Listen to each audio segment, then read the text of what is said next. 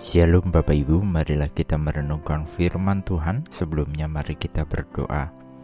Tuhan kami hendak merenungkan firman-Mu. Roh Kudus pimpinlah kami. Di dalam Tuhan Yesus kami berdoa. Amin.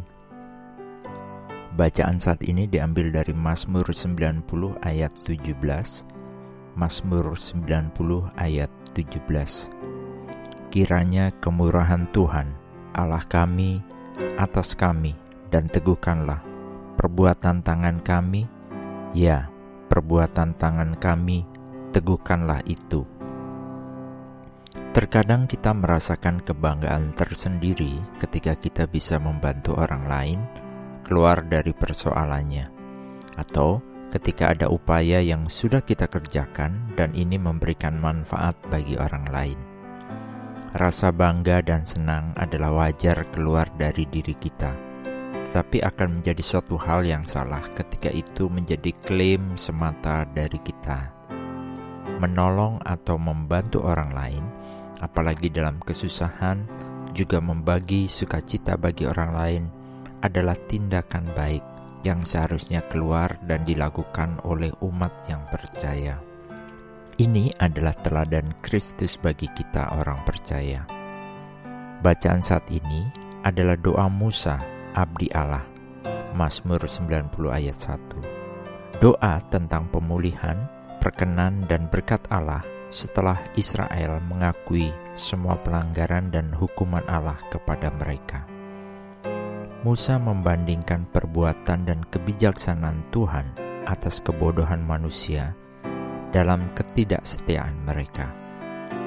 Kemurahan Tuhan memulihkan dan menyertai kehidupan manusia, sehingga di atas semua yang kita kerjakan dan lakukan melalui perbuatan-perbuatan tangan kita, ada kemurahan Tuhan yang telah terlebih dahulu melakukan pekerjaan penyelamatan dan pemulihan. Bahkan, pengorbanan putranya yang kudus, Yesus Kristus di kayu salib, adalah untuk menebus dosa-dosa kita. Semua hal yang kita kerjakan saat ini sebagai orang percaya adalah suatu keharusan sebagai bentuk ucapan syukur atas pemulihan, penyelamatan kehidupan dari dosa-dosa kita. Biarlah kemurahan Tuhan Allah kita menyertai. Kiranya Tuhan meneguhkan dan memberkati pekerjaan tangan dan usaha hidup kita. Semoga rahmat dan perkenan Tuhan terus ada, dan semoga keindahan Tuhan Yesus terlihat di dalam kita dan melalui kita saat kita tunduk pada pimpinan dan bimbingan Roh Kudus untuk puji dan kemuliaan namanya. Amin. Mari kita berdoa.